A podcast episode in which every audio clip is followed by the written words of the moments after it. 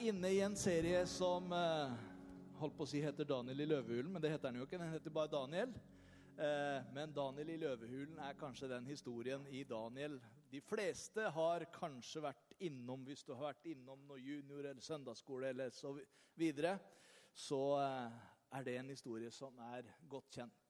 Men Daniels bok er en eh, bok som eh, både trigger, irriterer, eh, gjør at du blir litt sånn Hva i all verden er dette for noe? Eh, det er en sånn bok som eh, er full av historie, full av eh, mystikk. Historier om den store gullstatuen som hadde leire i beina og gull på toppen, holdt jeg på å si, og som en svær stein kom og slo ned. Dere som er, er det flere som har lest Daniels bok disse dagene her? Hvis ikke, så ligger det noen sånne fine sånn bokkort bak som vi har anbefalt folk å lese gjennom Daniels bok litt for å få en egen feeling i forhold til helheten av boka også. Men eh, det er historier som Sadrak, Mesak, Abenego i ildovnen, håndskriften på veggen, Daniel i løvehulen, visjoner om dyr og horn og konger og forutsigelser av eh, fortid, eller framtid eh, fra Daniels tid og helt til Kristi annet komme, er ting som ligger som sprengstoff i denne boka, og som også både Jesus og andre refererer til videre i Det nye testamentet.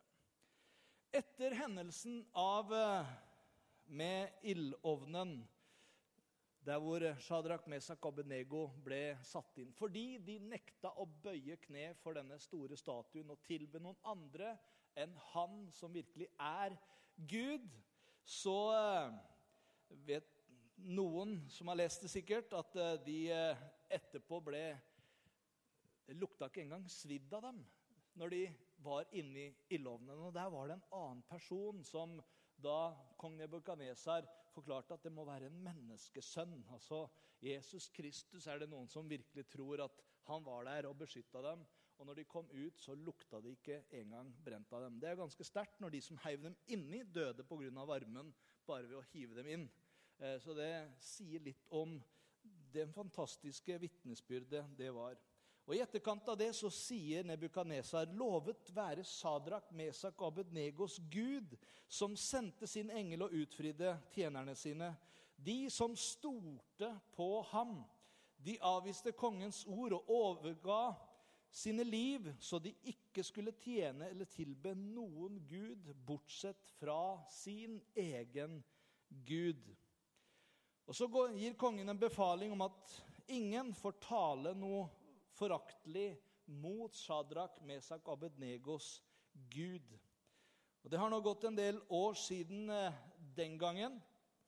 Eh, og det er der vi kommer inn i historien videre i Daniels bok. Og Vi skal se litt eh, fra Daniel kapittel 4 til 6. Så skal vi følge litt. Og Jeg har utfordre litt i dag til at det blir en del lesing opp på tavla eh, og på skjermen. Jeg har eh, brukt en eh, ny bibeloversettelse fra, som heter Bibelen Guds ord, som er en hverdagsbibel. som... Vi ble jo utfordra av Sandra her for noen uker siden til å kjøpe en ny bibel og begynne å lese i den. Og se litt hva står i de forskjellige bibeloversettelsene. Og Det er den du skal få se litt tekst på eh, i dag. Så vi kommer til å lese en del sammen og lære litt ifra Daniels bok. Og vi hiver oss inn med en gang i kapittel 4 fra vers 1.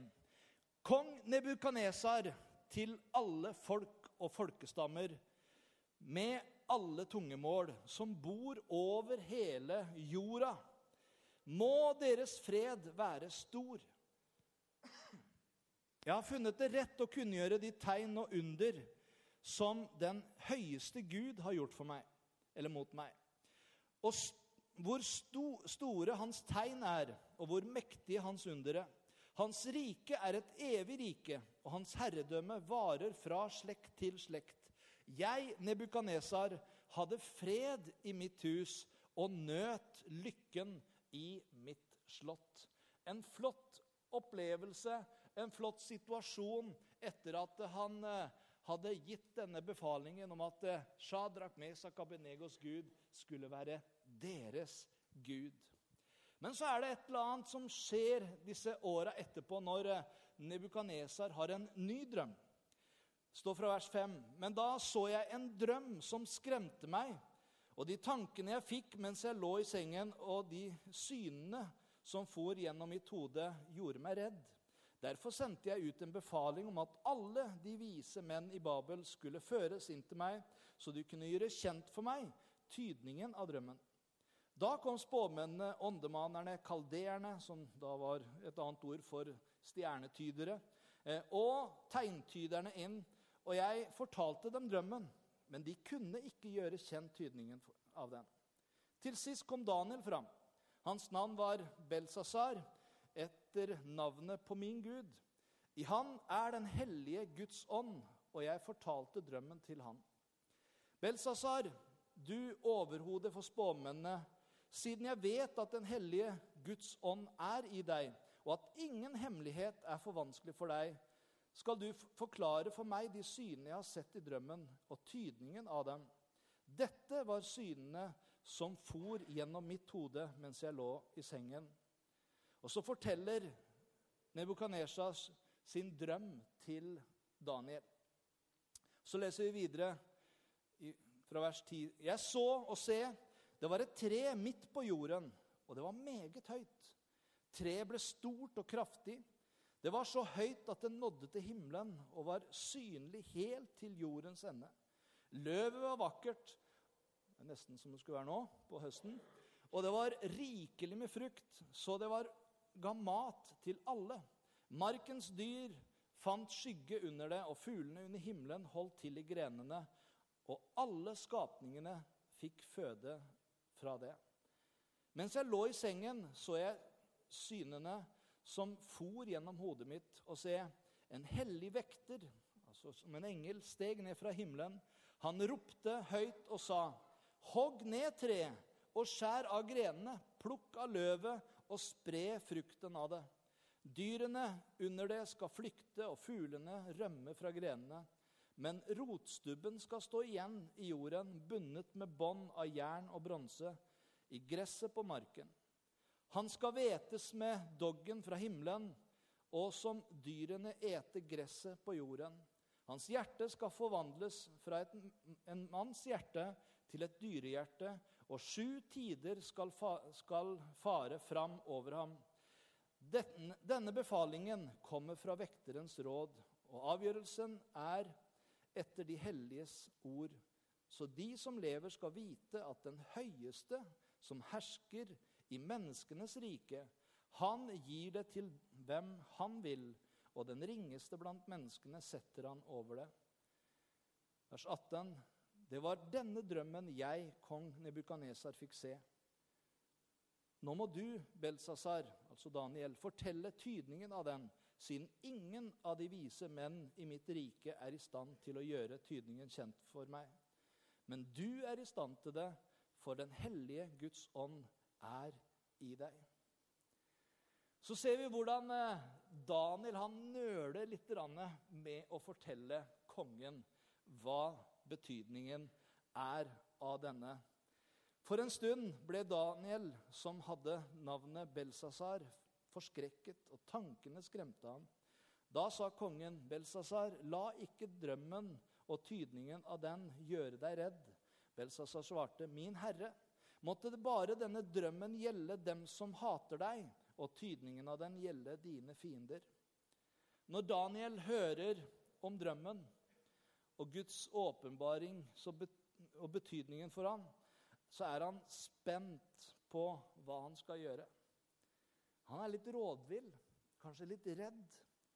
Det er som å bringe dårlige nyheter en, til en absolutt monark. Det er å liksom få en sånn 'kill the messenger' etterpå. Konsekvenser som han tenkte på. For det var skikkelig dårlige nyheter, det han skulle gi ham. Og Daniel han er også bekymra fordi han har blitt glad i kongen og lurer på hva som vil skje med riket og med hans stilling i dette riket når kongen ikke er der lenger. Kongen må ha lagt merke til Daniels sjokk, så han beroliger ham og eh, oppfordrer ham til å fortelle tydningen av drømmen.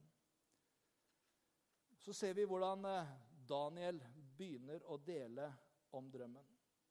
Og begynner å forklare synet for kongen.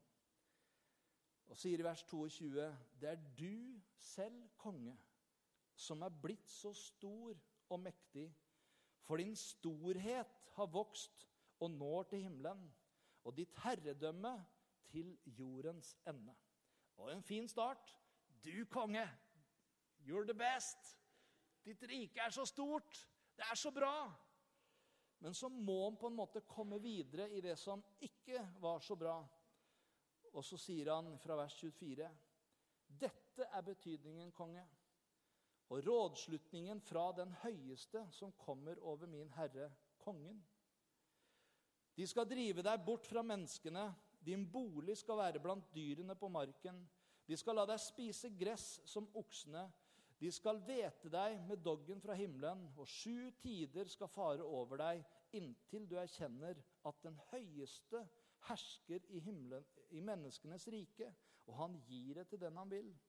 Og de befalte at rotstubben til treet skulle stå igjen. Det betyr at ditt rike på ny skal oppreises etter at du har erkjent at det er himmelen som hersker. Jeg har skrevet et spørsmål der. Hva betyr det å erkjenne at det er himmelen som hersker? På hvilken måte er dette relatert til oss? Vi ber i Fader vår, skje din vilje. Komme ditt rike. Skje din vilje. Som i himmelen, så opp på jorden. Men det var nettopp det som Nebukadnesar ikke gjorde lenger. Han tenkte ikke så mye på hva himmelen hadde å mene om forskjellige ting. Han var mest opptatt av hva han sjøl mente. Og noe av hans største problem var stolthet. Overfor alle andre, og spesielt mot Gud. Og han erkjenner ikke eller forstår eller aksepterer at den høyeste er suveren, og ikke han selv. Han tror antagelig at han er konge pga. sine egne personlige kvalitetsegenskaper eller evner. Men sannheten er at Gud er den som løfter mennesker opp eller feller dem ned, som gir dem det han vil. Så Daniel er ikke bare kongens profet, men han er også kongens rådgiver. Og Derfor så tar han mot til seg til å oppfordre kongen og sier, 'Konge, du må omvende deg.' Vers 27.: Derfor, konge, ta imot mitt råd. Riv deg løs fra dine synder med rettferdighet og fra dine misgjerninger med barmhjertighet mot fattige. Da skal din fred vare. Bekjennelse er først og fremst verbal. Ja, jeg erkjenner, jeg bekjenner at jeg har gjort feil. Men bekjennelse i seg sjøl er ikke nok for at det skal skape en endring i livet. Og Kongen må gjøre mer enn en muntlig bekjennelse av sine feil. Han må omvende seg og slutte å synde, sier Daniel til han, og begynne å gjøre det som er riktig.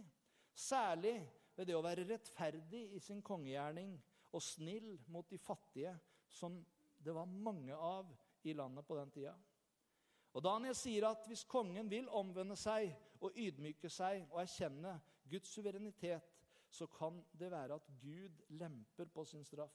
Og siden vår Gud er en barmhjertig Gud, er hans forordninger noen ganger betinget våre svar, deler han med kongen. Når vi vender oss om fra våre synder, så forventer Gud at vårt liv også skal endres i forhold til Gud, oss selv og menneskene rundt oss. Døperen Johannes han kalte det for å bære frukt som er omvendelsen verdig. Eh, når de kom til han og ønska å bli døpt av han, så sa han det må en forandring til. Men Nebukaneser eh, forandrer ikke sin måte å være på. Han er fremdeles besatt av stolthet over seg selv og egne prestasjoner. Og han gir han, Gud gir han tolv måneder til å omvende seg, men så faller dommen. og Vi ser videre i vers 28. Alt dette kom over kong Nebukaneser. Da de tolv måneder var omme, vandret han omkring på det kongelige slott i Babel. Kongen tok til orde og sa, 'Er ikke dette den store Babel, som jeg har bygd til en kongebolig ved min veldige makt, til ære for min herlige kongemakt. Og mens ordene ennå var på kongens lepper, kom det en røst fra himmelen. Kong Nebukadnesar, til deg ble dette talt. Kongeriket er tatt fra deg. De skal rive deg bort fra menneskene, og du skal ha bolig blant dyrene på marken. De skal la deg spise gress som oksen, og sju tider skal fare over deg inntil du erkjenner at den høyeste som hersker i menneskenes, konger, i menneskenes kongerike, og han gir det til den han vil. Og i samme stund ble ordet om Nebukadnesar oppfylt. Han ble drevet bort fra menneskene, og han spiste gress som oksene. Kroppen hans ble hvetet med dugg fra himmelen, til håret hans vokst, hadde vokst ut som ørnefjær og neglene som fugleklør. Det er jo rene, skikkelig Star Wars, det her. altså det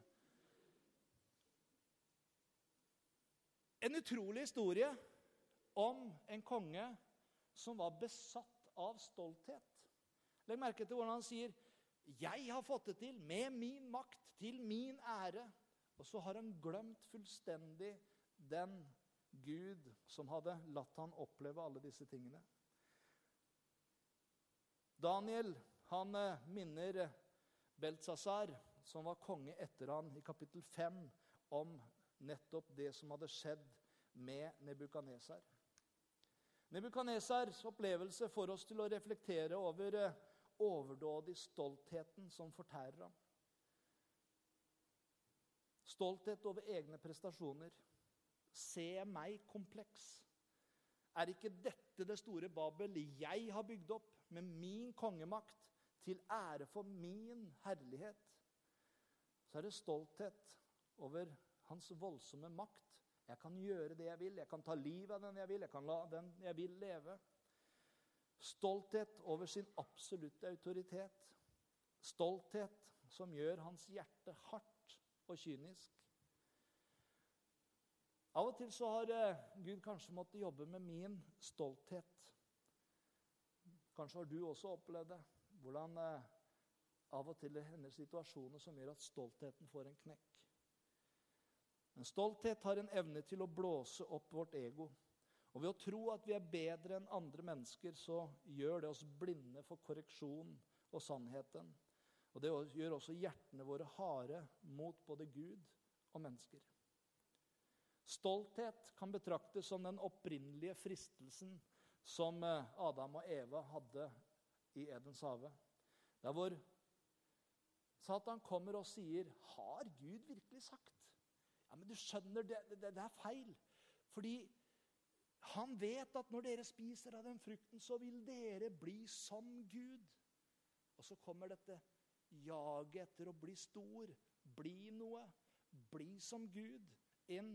Og så kommer den første fristelsen og det første fallet inn i verden. Og Gud han advarer sitt folk mot denne arrogansen i Pentateuken, altså de fem Mosebøkene. Og I femte Mosebok åtte kan vi lese Da må du ikke si i ditt hjerte ved min egen kraft og min egen hånds styrke har jeg skaffet meg denne velstanden. Men du skal huske Herren din Gud, for det er Han som gir deg kraft til å skaffe deg rikdom. Når eh, Satan frister Jesus i eh, ørkenen, så er det nettopp med stolthet han også frister Jesus. Og I 1. Johannes i eh, Den levende bok, kapittel 2, vers 16, så står det Verden lokker stadig med at vi skal ha tilfredsstillelse at vi skal tilfredsstille våre fysiske begjær. At vi skal kreve å få alt vi peker på, og at vi skal skryte av oss selv og det vi har. Denne atferden kommer ikke fra Far i himmelen, men fra verden. Det er en god form for stolthet som eh, har med selvtillit å gjøre fra fødselen av. Og vi prøver å oppmuntre våre barn til nettopp dette. Tillit hjelpe barna våre å gå og løpe og sykle og klatre og prøve nye ting. Og det er bra. Det er slik Gud hadde tenkt det skulle være. Men stolthet ute av kontroll er en forferdelig ting som sårer mange mennesker, og som skaper også hardhet mot Gud. Og Nebukadnesar lærer at konger ikke er store i seg selv, med noen såkalte guddommelige kongeretter. Men snarere kan de være de laveste menneskene som skal få lov til å være med å tjene andre. Så Til slutt så anerkjenner Nebukanesar Gud i vers 34. Da disse dagene var omme Vi vet ikke de sju, om det var sju år eller sju måneder. Men det stod det var sju tider. Det er ikke så viktig egentlig. Men eh, da disse dagene var omme, så løftet jeg Nebukanesar blikket mot himmelen. Og jeg fikk forstanden min tilbake. Jeg lovet den høyeste og priste og æret Han som lever evig. Legg merke til forskjellen i hans ordbruk nå og da han var stolt og sa 'Dette har jeg fått til. Dette har jeg gjort'. Han lovet den høyeste og priste og æret Han som lever evig. For hans herredømme er et evig herredømme. Hans rike varer fra slekt til slekt. Alle de som bor på jorden, regnes som ingenting, for han gjør etter sin vilje i himmelens hær og blant dem som bor på jorden. Ingen kan holde hans hånd tilbake eller si til ham, 'Hva har du gjort?' Og etter ydmykelsens tid så blir Nebukadnesar velsignet på nytt igjen og får et nytt perspektiv. Plutselig så oppdager han at det er Gud som er evig. Gud tar aldri slutt. Gud kan ikke sammenlignes med mennesker. Gud er suveren. Gud er himmelens konge. Gud står ikke til regnskap for noen. Og Nebukadnesar, han var velsignet. De fleste konger som eh, kanskje er psykisk syke eller ute av palasset over en tid, ville nå aldri bli satt inn igjen i stillingen. Men Nebukadnesars rike ble gjenopprettet for han, sånn som Gud hadde sagt, hvis han omvendte seg. På samme tid fikk jeg forstand tilbake.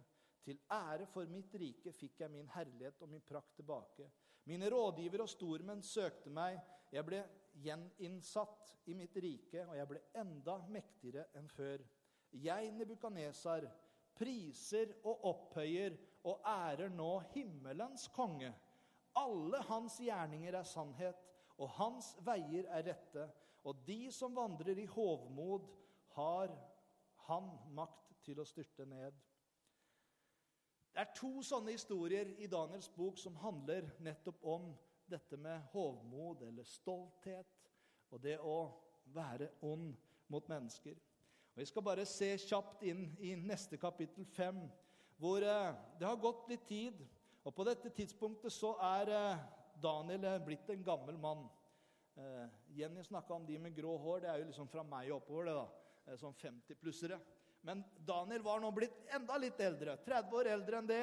Ca. 80 år gammel. Og kapittel 5 beveger seg til den hendelsen som skjedde 66 år etter at Daniel ble ført til Babylon.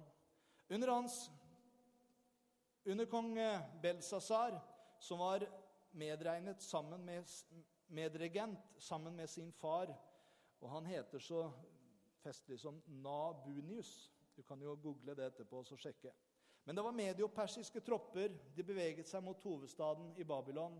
Og likevel, selv om Belsazar da visste at de kommer til å tape slaget, så lager han et skikkelig heisafest for tusen av sine venner.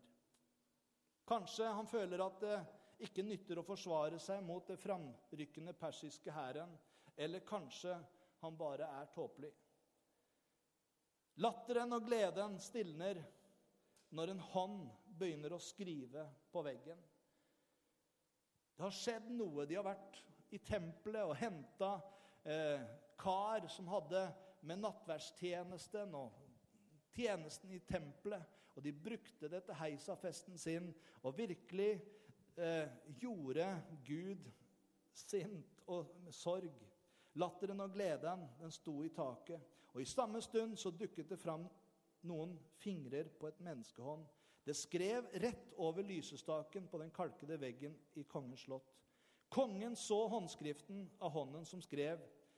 Da ble kongens ansikt fordreid, og tanken hans gjorde ham så redd at hofteleddene hans løsnet, og knærne slo mot hverandre. det er det jeg kaller redsel. Kongen han ber om at noen skal tyde ordene, men ingen er i stand til det. Han er nummer to i kongeriket, altså medregent etter sin far, kongen. Så han tilbyr en belønning at den som kan fortelle det som står på veggen der, han skal bli nummer tre i riket. Han skal få et gullkjede rundt halsen, og han skal få ære og berømmelse. Men det er ingen av de som kommer av de forskjellige tyderne, som greier å tyde det som sto på veggen. Men dronningmoren Og det virker som at Daniel på en måte var litt glemt på den tida der.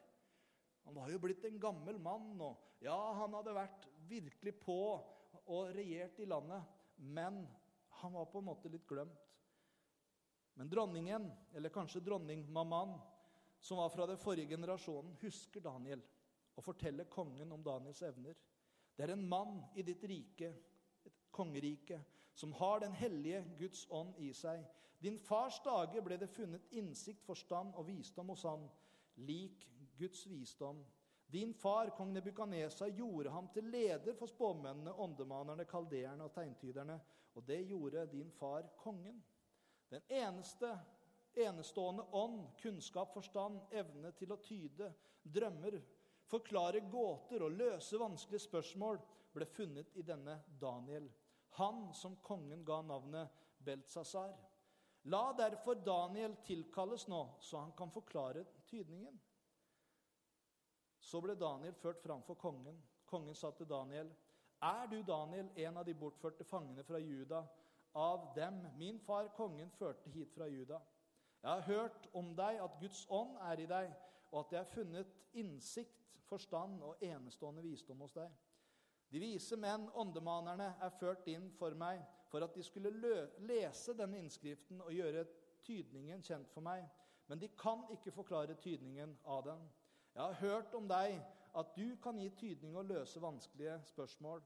Hvis du nå kan lese Skriften og gjøre det kjent for meg, tydningen av den, skal du bli kledd i purpur og få gullkjede rundt halsen. Du skal herske som den tredje i kongeriket. Daniel han svarte og sa til kongen, gavene dine kan du ha for deg sjøl, kan du beholde. Og du kan gi foræringene dine til en annen. Likevel skal jeg lese Skriften for kongen og gjøre tydningen kjent for ham. Å nekte kongens gaver, selv for før han hadde utført en tjeneste som han hadde blitt bedt om. Det kunne jo virke som en fornærmelse. Men Daniel er gammel, og han bryr seg ikke lenger om ære. Han forakter Belsasar for det vanhellige, fordi han har vanhelliget gullbegrene fra Herrens hus. Og han vet at innen neste dag vil enhver belønning han blir gitt, være meningsløs. Men han sier, 'Du, hans sønn, Belsasar, har ikke ydmyket ditt hjerte.' 'Selv om du visste alt dette, har du opphøyet deg selv mot himmelens herre.' 'Karene fra hans hus har du satt fram for deg.' Og du og dine stormenn, hustruer og medhustruer, har drukket vin av dem. Du har spist av, prist avgudene av sølv og gull, bronse og jern, tre og stein, de som verken ser eller hører eller forstår noen ting. Den Gud som holder din livsånde i sin hånd, og som råder over alle dine veier, han har du ikke æret. Derfor ble denne håndflaten rakt ut fra ham, og denne innskriften skrevet. Belsasar, problem var det samme som Nebukadnesar. Det var stolthet. Og Belsasar og Nebukanesar før hadde vært respektløse overfor Gud på måter de håndterte Guds ting på også. Og Nå forklarer Daniel skriften på veggen. Disse tre ordene er skrevet mene, tekel og ofarsin. Mene kommer fra ordet å telle. Det betyr at Gud har talt ferdig de dagene du skal regjere, og han har avsluttet det. Tekel kommer fra ordet å veie. Det betyr at Herren har veid deg og se om du holder mål. Det gjør du ikke. Du er for lett. Ofarsin kommer fra ordet å dele. Kongeriket ditt er delt, og blir gitt mederne og perserne, står det i hverdagsbibelen. Så Belsazar han blir dømt av Gud, og avslutter, Gud avslutter hans kongerike og gir det til mederne og perserne. Og det sies at hans egne folk tok livet av ham den samme kvelden. Så hva kan vi lære av Daniel 4 og 5? Vi må leve våre liv i visshet om at det er Gud som styrer, og ikke vi. Omvendelsene fra synd må ikke bare være med leppene våre, men føre til et nytt liv og andre livsverdier. Være gode mot de fattige. Stolthet over våre prestasjoner kan lett få oss til å glemme at det er Gud som utruster oss. Og stolthet kan gjøre vårt hjerte hardt både mot Gud og mot mennesker. Og De siste minuttene skal jeg dele litt om eh, Daniel. For i dette, de forskjellige kongene som glemmer Gud, i et samfunn hvor eh, politeisme, altså tilbedelse av mange guder, var veldig vanlig, så er det allikevel en mann der og et team som har bestemt seg for at de vil leve sånn som Gud har bestemt. Fra Nebukadnesas tilståelse så lærer vi også at Gud er evig. Hans rike det tar aldri slutt.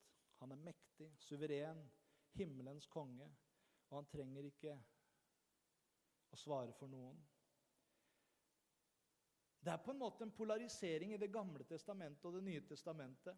Hvor Det gamle testamentet var bygd på øye for øye, tann for tann og loven. Men når du kommer inn i Det nye testamentet, så ser vi hvordan Gud i Jesus han tar vår synd, han tar vår straff på seg. Og så leser vi i Johannes 3, 14-18.: På samme måte som Moses løftet opp slangen i ørkenen, skal også menneskesønnen bli løftet opp, for at hver den som tror på ham, ikke skal gå fortapt, men ha evig liv. For så har Gud elsket verden at han ga sin sønn, den enbårne, for at hver den som tror på ham, ikke skal gå fortapt, men ha evig liv. For Gud sendte ikke sin sønn til verden for å dømme verden, men for at verden skulle bli frelst ved ham. Den som tror på ham, blir ikke dømt, men den som ikke tror, er allerede dømt fordi han ikke har trodd på Guds enbårne sønns navn. Og På pinsedag sier Peter i sin tale.: Omvend dere, og enhver av dere la dere døpe til Jesu Kristi navn til syndenes tilgivelse og dere skal få Den hellige ånds gave. Historien om Daniel i løvehulen har vi jo hatt litt av tidligere. Men eh, den har fanga fantasien til tusenvis av mennesker i tusenvis av år. Og Daniels redning fra løvene er en typologi av Jesu død og oppstandelse som er vist i malerier fra det tredje århundret som det finnes minst tre separate romerske katakomber som har tegna disse tegningene av Daniel i løvehulen og oppstandelsen. Og Neo-Babylonriket falt til mederne og perserne, som Gud hadde sagt, i oktober i 539 før Kristus. Så dette er ikke oppdikta sang, men det er historie. Og Det er noen år senere regjeringen i den nå persiske provinsen Babylon og under mederen Dareios at dette utspinner seg. Daniel som ca. 80-åring. Dareios fant det rett å sette 120 står, Mederen Dareios tok imot kongeriket. Han var 62 år gammel. Dareios fant det rett å sette 120 satraper, det er eh, adelsmenn, over kongeriket. De skulle holde til over hele kongeriket. Over disse satte han tre riksråder. Den ene av dem var Daniel. Og Dette ble gjort slik at satrapene skulle avlegge regnskap for dem, så kongen ikke skulle lide noen tap. I kontekst så ser vi at kongeriket refererer til selve Babylonia snarere en del av Medo-Persia-imperiet. En satrap var altså en gammel persisk ord som har med hersker å gjøre over et rike. Og Daniel ble i høy alder utnevnt til en høy stilling i dette nye persiske regjeringen over provinsen Babylon. Daniel og hans to andre kolleger skulle sørge for at ingen av satrapene var korrupte eller gjorde seg rike på regjeringens regning. Det står videre her i kapittel 6, vers 4. Daniel utmerket seg blant riksrådene og satrapene fordi det var en enestående ånd i ham. Kongen planla å sette ham over hele kongeriket. Derfor forsøkte riksrådene og satrapene å finne noe de kunne anklage Daniel for. Noe som angikk kongeriket. Men de kunne ikke finne noe å anklage ham for, eller noe urett, for han var trofast. Det ble ikke funnet noen forsømmelse eller noe urett hos ham. Daniel, som var en klok og eksepsjonell funksjonær under Nebukanesar, skinner sterkt under persisk styre. Når rivalene hans hører at kongen planlegger å sette han til ansvaret, så søker de etter en mulighet for å få styrta ham og sjøl ta æren. Men Daniels CV er plettfri. Han leder kongens saker på en sånn ordentlig og ærlig måte, så de greier ikke å finne noe feil å ta ham på. Så det de forstår, er at den eneste måten de kan ta ham, er å sette en felle for ham. Og fella er den igjen tilbake hvordan kan vi få noen til å lage en lov som går imot noen? Jo, ved å løfte opp den som vi vil skal lage loven. Legger du merke til hvordan de, de, de, er slu? Og så går de til kongen og så sier de, 'Konge, du er en fantastisk type.' Kan ikke du skrive under en lov som sier at hele, i hele Babylonia så er det ingen som får lov til å be til noen andre og ære noen andre enn deg? klart at Kongen blir jo litt smigra av det. Da Reios tenker at ja, men det var jo en fin greie. Tenk liksom alle Så kjører vi deg rundt i landet, og så får de hylle deg og ære deg. Men de får ikke lov til å be eller ære noen andre. Og Så lurer de ham til å skrive under på dette. Og Når han spør ja, har alle vært med på dette, er alle riksrådene enig i det, så sier de ja, alle riksrådene er enig i det. Det var jo en løgn. For Daniel var ikke spurt, og han var én av tre riksråder. Men Daniel han sto fram midt i dette riket med troverdighet. Han var flittig, han var ærlig. Han var ikke blitt ødelagt av tanken på hvordan han kunne fremme sine egne interesser mens han var i et verv. I våre dager så blir regjeringsansatte og tjenestemenn så vel som ledere eller ansatte i private selskaper noen ganger beskyldt for å være late, inhabile eller korrupte. Men Daniel var ikke noen av disse tingene. Hans fiende kunne ikke finne noe å ta ham på, og derfor så satte de denne fellen for ham. De visste at han kom til å bite på, og det gjorde han og de visste hvor de skulle gå for å ta Daniel. Så de gikk hjem til han. Og Da Daniel fikk vite at dette skrivet var blitt undertegnet, står det i 6, 11 og 12, gikk han til huset sitt. I salen ovenpå, med vinduene åpne mot Jerusalem, bøyde han seg på sine knær tre ganger om dagen og ba og lovpriste sin Gud, slik han hadde gjort hele tiden. Det var ikke liksom for å vise seg nå at han gjorde det. Nei, dette var noe han hadde gjort alltid. Så samlet disse mennene seg og kom og fant Daniel mens han påkalte og ba om nåde innenfor sin Gud. Vi kunne se litt på måten han ber for, men det ser dere her. Men Daniels fiender melder da dette til kongen. Så gikk de fram til kongen og fortalte om kongens forordning.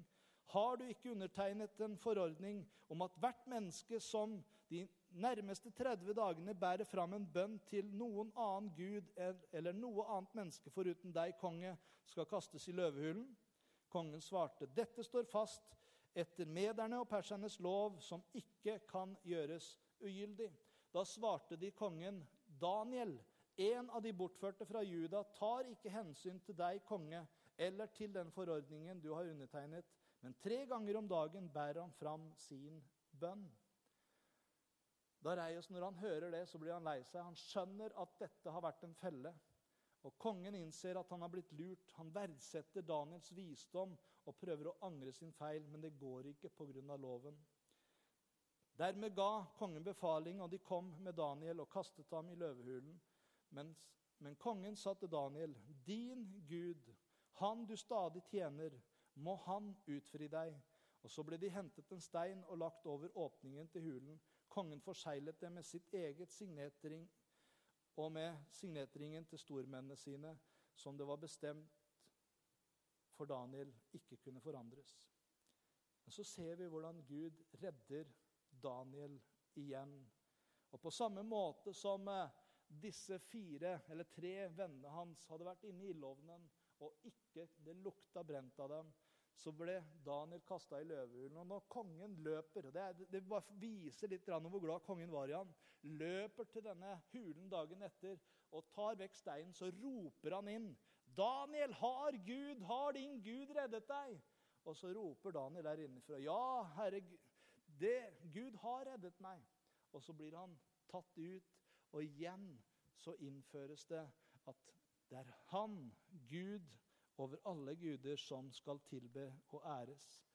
Fortell meg litt i leksjonen for å avslutte. Daniel han setter en standard for disippelkarakter og som regjeringsfunksjonær. Og jeg tenker Det lærer meg mye også hvordan jeg skal være i mitt liv, hvordan vi kan være i vår arbeidsplass, på skole, på universiteter osv. At vi er pålitelige, at vi er flittige, at vi er ærlige, at ikke vi er korrupte. Og Daniel er også et eksempel for disiplene ved å be tre ganger om dagen. Ikke det at det ligger noe i det, men det, det var hans glede å få lov til å komme fram for Gud og be. Gud er i stand til å sende også sine hjelpere for å redde og beskytte sine tjenere. Og Daniel han gir oss også et eksempel på hvordan han fikk lov til å dele sin tro. Selv innenfor kongens palass så delte han frimodig om sin tro. Og Resultatet av Daniels eksempel er at Dareios kom til tro på Gud. Selv om han ikke ble monoteist. Han hadde de andre gudene også. Men kongen ender opp med å promotere Daniels gud for nasjonen. Og Gud kan fungere fantastisk når vi får lov til å være tro mot Guds ord og får lov til å vitne om Han. Du lytter til en podkast fra Pinsekirken Tabernakle i Bergen. Vi tror at kirken skal være en plass hvor mennesker trives gjennom alle livets faser. En kirke for hele livet. Ønsker du å bli bedre kjent med oss eller holde deg oppdatert? Besøk vår Facebook-side eller ptb.no. Her er ukens tale.